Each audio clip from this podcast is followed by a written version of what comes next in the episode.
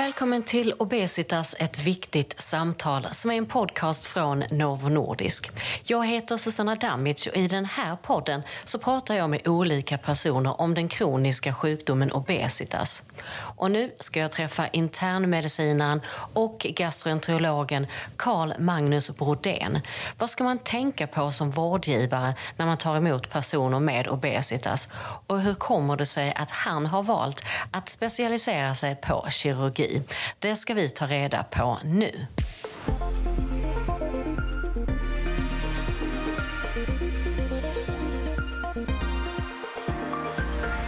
Ett viktigt samtal, en podd om obesitas. Det händer ju ingenting. Jag tränar och tränar. Det här klassas som en sjukdom precis som alla andra.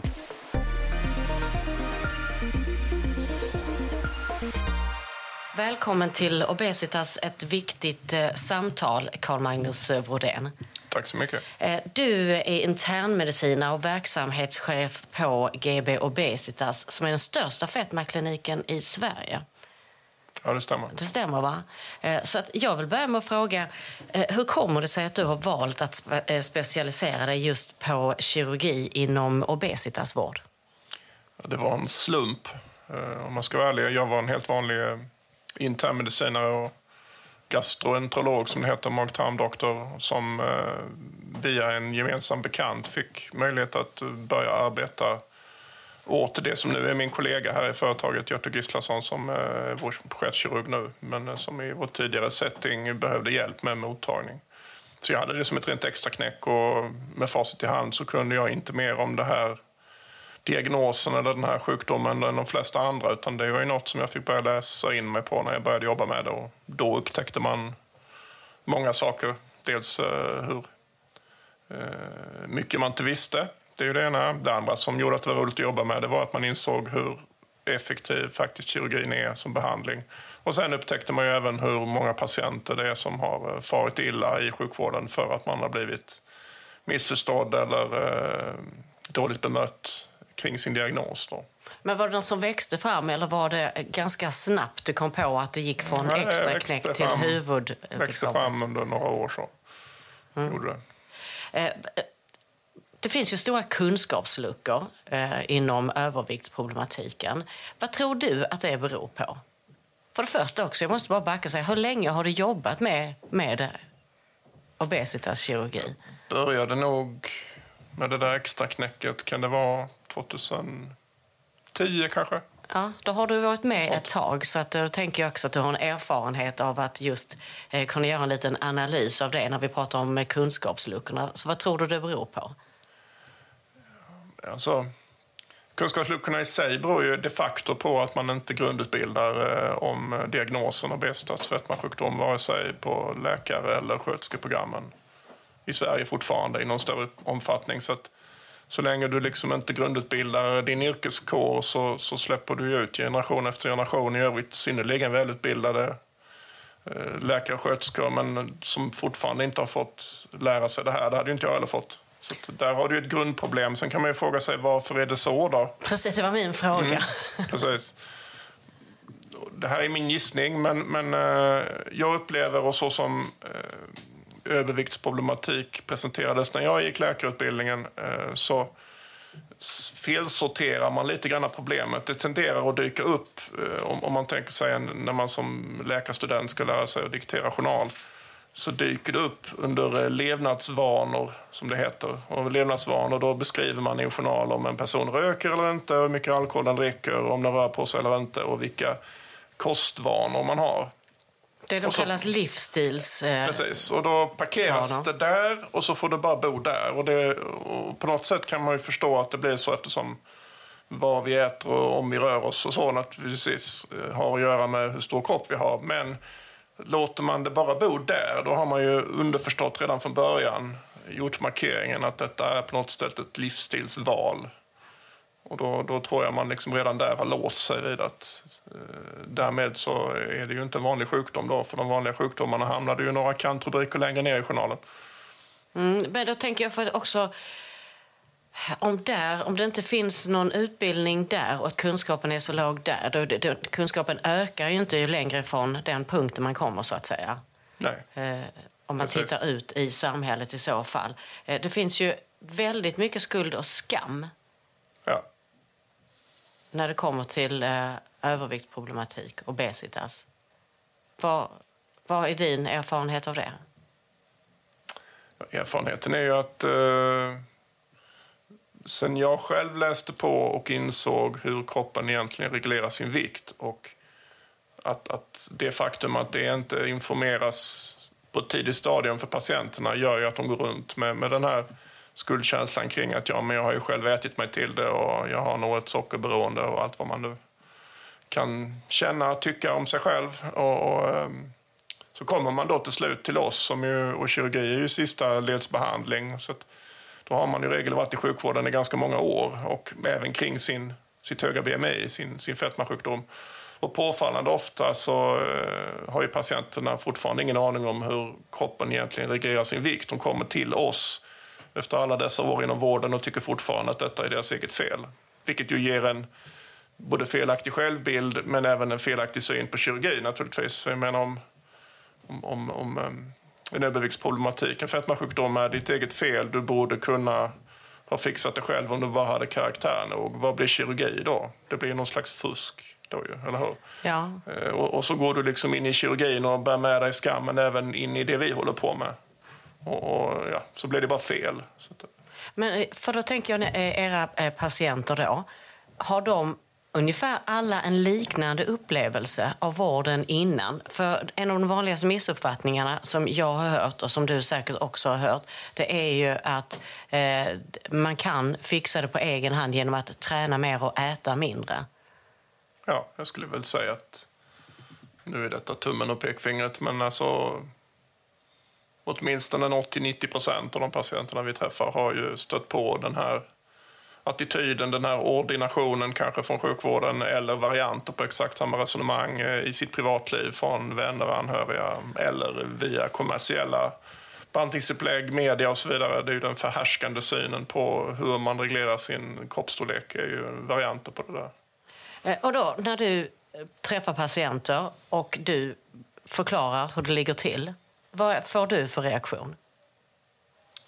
Det var tydligare innan covid. Då hade vi fysiska informationsmöten med patienter inför operationer. Alltså man satt i grupp eh, här på kliniken till exempel. Och då kunde man kanske ha en 8-10 stycken på en gång. Och då eh, lägger vi i regel ungefär halva läkarinformationstiden läggs på att prata om viktfysiologi och varför fungerar inte din bantning och vad, är det som gör att eh, man jojobantar och går upp i vikt igen och hur hänger det ihop? Och så kokar ju det här till slut ner till då att efter en viss pedagogisk eh, genomgång att som ni ser här nu så är det här inte ert fel. Det är er egen kropp som biologiskt försvarar sig när den svälter. Det är inte, har inte mer karaktär att göra. Ni är helt normala.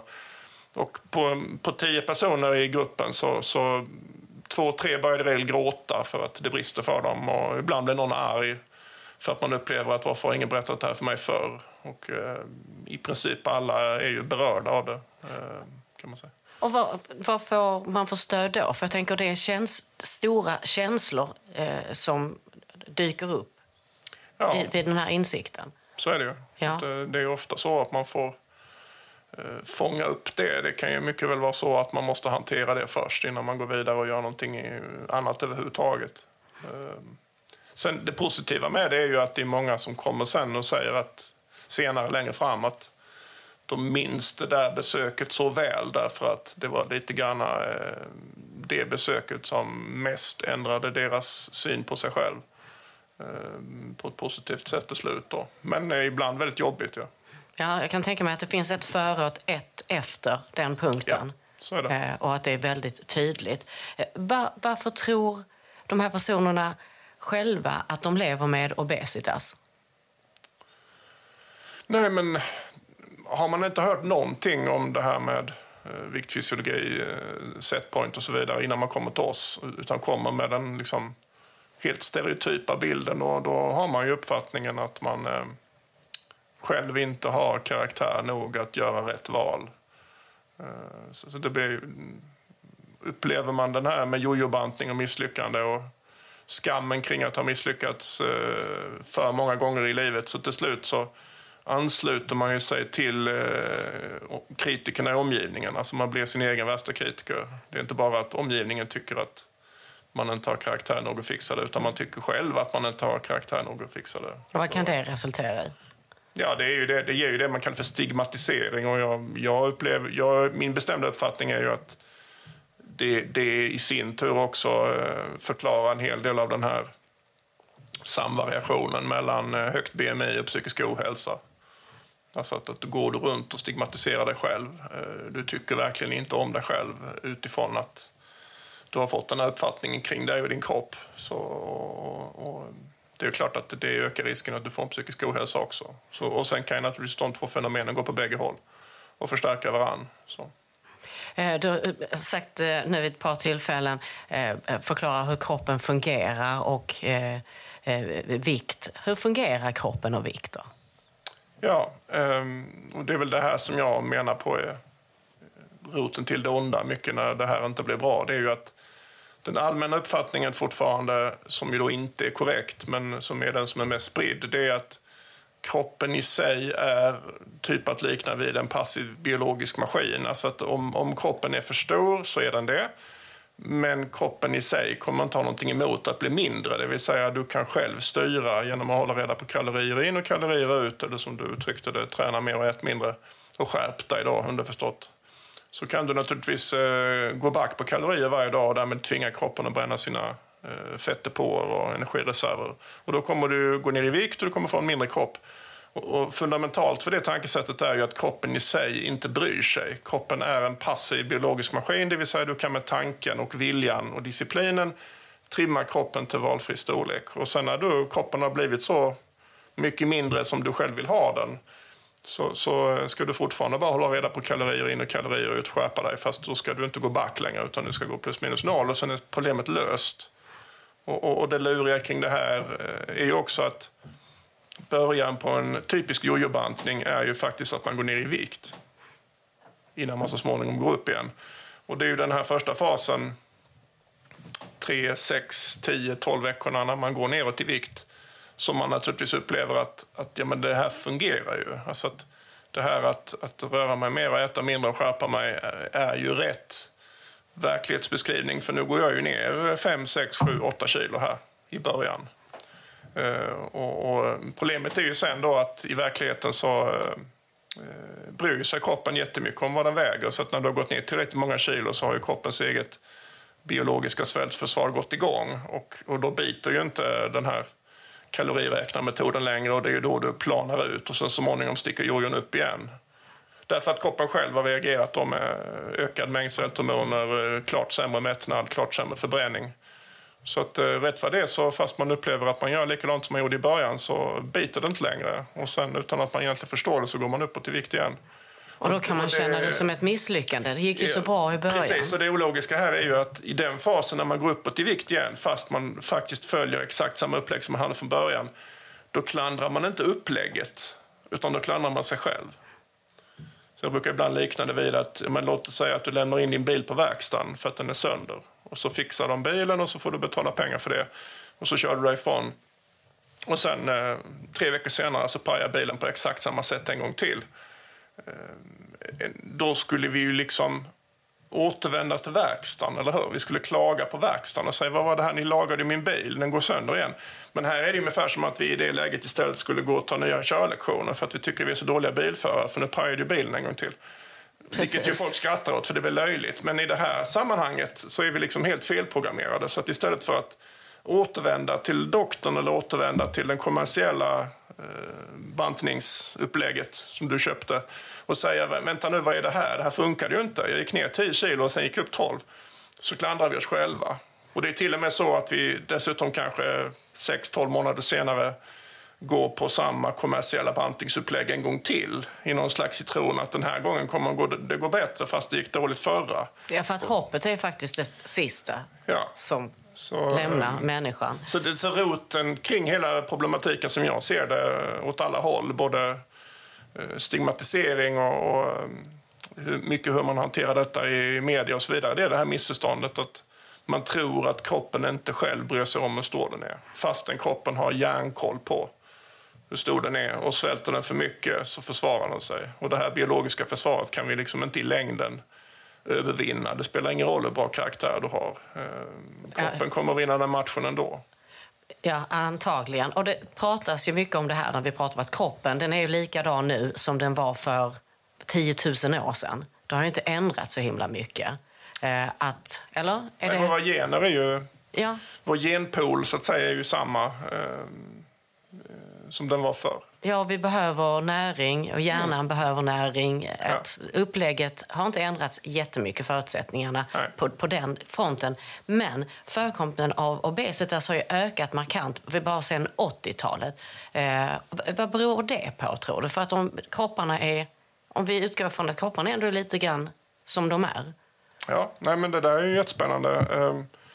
Man kan säga att det är två faktorer i grunden som avgör om man kommer att gå upp i vikt i livet. Och det ena är vilka gener man har. Och eh, de kan vi inte välja, de får vi av mamma och pappa. De flesta av oss har så kallat fetmakänsliga gener. Det betyder inte att man måste gå upp i vikt, men det betyder att man kan. Eh, och den genuppsättningen på, i, i befolkningen var ju likadan när jag växte upp på 70-talet. Den var ju likadan då som, som den är idag. Eh, och, och, den andra faktorn som avgör hur många med fetmakänsliga gener som kommer att gå upp i vikt i livet är då vilket samhälle de här generna lever i. Och det är ju där vi har skillnaden då. Så jag växte upp på 70-talet eh, i Halmstad och eh, det var väldigt sällsynt med övervikt och nästan icke-existerande med barnobesitas på den skolan där jag gick. Eh, men det var samma gener som idag, så det är klart gör man tankeexperimentet för de av er som lyssnar som växte upp på 70 80-talet att ta fram ett mentalt smörpapper och så rita av hur er uppväxt såg ut. Eh, vad gällde vad ni åt, när ni åt, vem som lagade maten, hur ni tog er till skolan, vad ni gjorde på fritiden. Eh, hur stor godispåsen var och allt vad ni kan räkna upp själva. Och så, så tar ni det mentala smörpappret och lägger över barns uppväxt idag. Och så kollar ni vad som skiljer. Och någonstans bland alla de förändringarna bor ju de faktorer som är bovarna i dramat. Då. Det är ju samhället som har ändrats mellan 70-talet och idag, det är ju inte generna. På vilket sätt har samhället eh, förändrats då? Ja, det är många faktorer, men eh, de mest uppenbara är ju till exempel att vi... Alltså, de, jag tror de allra flesta, liksom mig, som växte upp på 70 80-talet... Alltså, det är jag också. Ja. Jag tillhör den. Titta, du är dina bästa år. Jag vet. Ja, vi är det. Ja, absolut. Ja. Uh, nej, men man man lagade maten från scratch. Jag kan inte minnas att vi köpte takeaway mat eller hämtpizza nästan någon gång under hela min uppväxt. Jag fick en pizza när jag fyllde år på min ja, födelsedag. Och det minns du som en enstaka gång, eller hur? Absolut. Ja. Ehm, till exempel. Och jag menar, Visst, lördagsgodis. Påsen var en sån här liten papperspåse. Jag tror man fick ner typ 12 bitar i den. Och, och, vilket ju kunde orsaka väldigt trafikstockning i kassan. För man skulle ju välja de där 12 bitarna. Det tog en evig tid. Med omsorg. Ja, och man delade på en läsk på lördagskvällen. En 33 centiliter. Precis, va? Man, jag hade kan ha haft två, tre kilometer till skolan där jag växte upp. Jag, jag gick till skolan eh, första tre årskurserna. Sen tjatade jag mig till att vi fick börja cykla från fyran. Så jag var så stolt över det. Eh, det var några få som tog bussen till eh, skolan då. Jag kommer ihåg det var någon som fick skjutsa sin pappa som bodde lite ute på landet. Men eh, alla de andra 90 7 procenten eller något eh, gick eller cyklade till skolan själva under hela grundskolan så länge jag kan minnas. Och det är samma där, ta smörpappret och jämför med idag. Eh, hur ser det ut fem i åtta utanför valfri skolgrind? Ja, det är ju bilkaos i regel. Va? Därför att man upplever inte längre att det är säkert att ta sig till skolan själv eller hur det nu blir. Eh, och det kan man ju förstå, men, men där är ju folkhälsoeffekter om man ser det på befolkningsnivå, det är det ingen tvekan om. Eh, varför pratas det så lite om detta? För vi pratar ju nu om, när vi pratar om eh, varför det har ökat så markant med obesitas sedan 80-talet. Vi har liksom genetiken, eh, mm. vi har biologin och samhället. Eh, Mycket men... bra fråga. Vi, vi, I synnerhet i Sverige kan jag tycka, för vi är ju ett väldigt medvetet land. Vi har ju en, en, en, stat eller ett samhälle som är väldigt aktiv i att ha åsikter eller försöka skydda sin befolkning både från det ena och det andra. Men just det här pratas det ju nästan inte om alls. Till exempel kom det en nyhet, kan det ha varit förra året, att eh, svenskar är det folk i hela EU som äter mest ultraprocessad skräpmat. Vilket jag blev helt chockad över att höra när jag läste det. Men det, var det, det, man blev lika chockad över var ju att det, det var ju en, en liten spaltartikel i tidningen. Alltså det var en sån här, ni vet, på höger eller vänster sida i kanten med en sådär en 20 rader och sen var det inte mer med det. Eh, samtidigt som vi ju då är oerhört medvetna om, om ja, ni vet, klimat eller miljöavtryck eller jämställdhet eller ja, ni vet allt det här. Så vi är ju ett oerhört medvetet folk. Vi är ett folk som har där staten, samhället, opinionen har en oerhörd medvetenhet om egentligen det som är samhällsmiljö på alla plan, men inte på det här. För det känns som att vi vilar lite på gamla lagar. Jag tror att många tänker att vi i Sverige är väldigt bra på att äta rätt och bra. Ja, det kan nog stämma. Bevisligen då, nu då ren lögn nu då visar det sig då. Ja. Eftersom vi är sämst i klassen och inte bäst. Men vad är eh, ultraprocessad mat då? För det tänkte jag, det kanske inte alla som vet. Nej, alltså det, det är om du tänker dig mat som är så långt ifrån sina ursprungsingredienser som möjligt. Alltså, det, det kan ju vara allt ifrån eh, färdigpizzan i mikrougnen till eh, eh, snabbmatsmåltider på någon av våra kedjor. Men det kan även vara eh, eh, färdig pastasås på, på burk. Det kan vara många av de här eh, smaksatta men därmed också kraftigt sötade yoghurtarna och liknande. Vi har Eh, Eh, de, energidryckerna naturligtvis såklart, men även eh, väldigt vanligt idag om du ställer dig på en, en, en eh, sån här närbutik eller där du kan grab and go någonting. Att ska du ha en flaska vatten till exempel där så får du leta efter vatten som inte har socker i. Faktiskt, för de, de heter väldigt många fina saker och sådär. Men alltså vanligt rent vatten, du får, det finns men du får leta. Ja. Eh, så det här ultraprocessade det omger oss överallt så till den milda grad att jag tror inte ens vi tänker på det så mycket längre. Vilket ju naturligtvis är lurigt. Ja, men om då flyttar fokus lite, vi kan komma tillbaka till detta här senare, vi får se var vi tar vägen. Men om vi flyttar fokus från grundorsakerna då, istället pratar om vem är det som har ansvaret för att hitta en lösning? För det här är ju det, här är det mest intressanta nästan ju i, i dagsläget. Eh, vem eller vilka är då enligt dig eh, de, eh, de som borde ha en lösning på detta? Olika aktörer. Det känns ju som att man måste hitta något sätt att samverka absolut.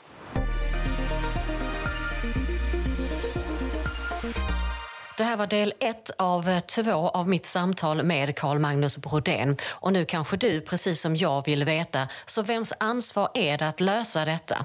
Det kommer Carl Magnus att besvara i del två som kommer om en vecka. Så håll utkik i din poddspelare så hörs vi snart igen.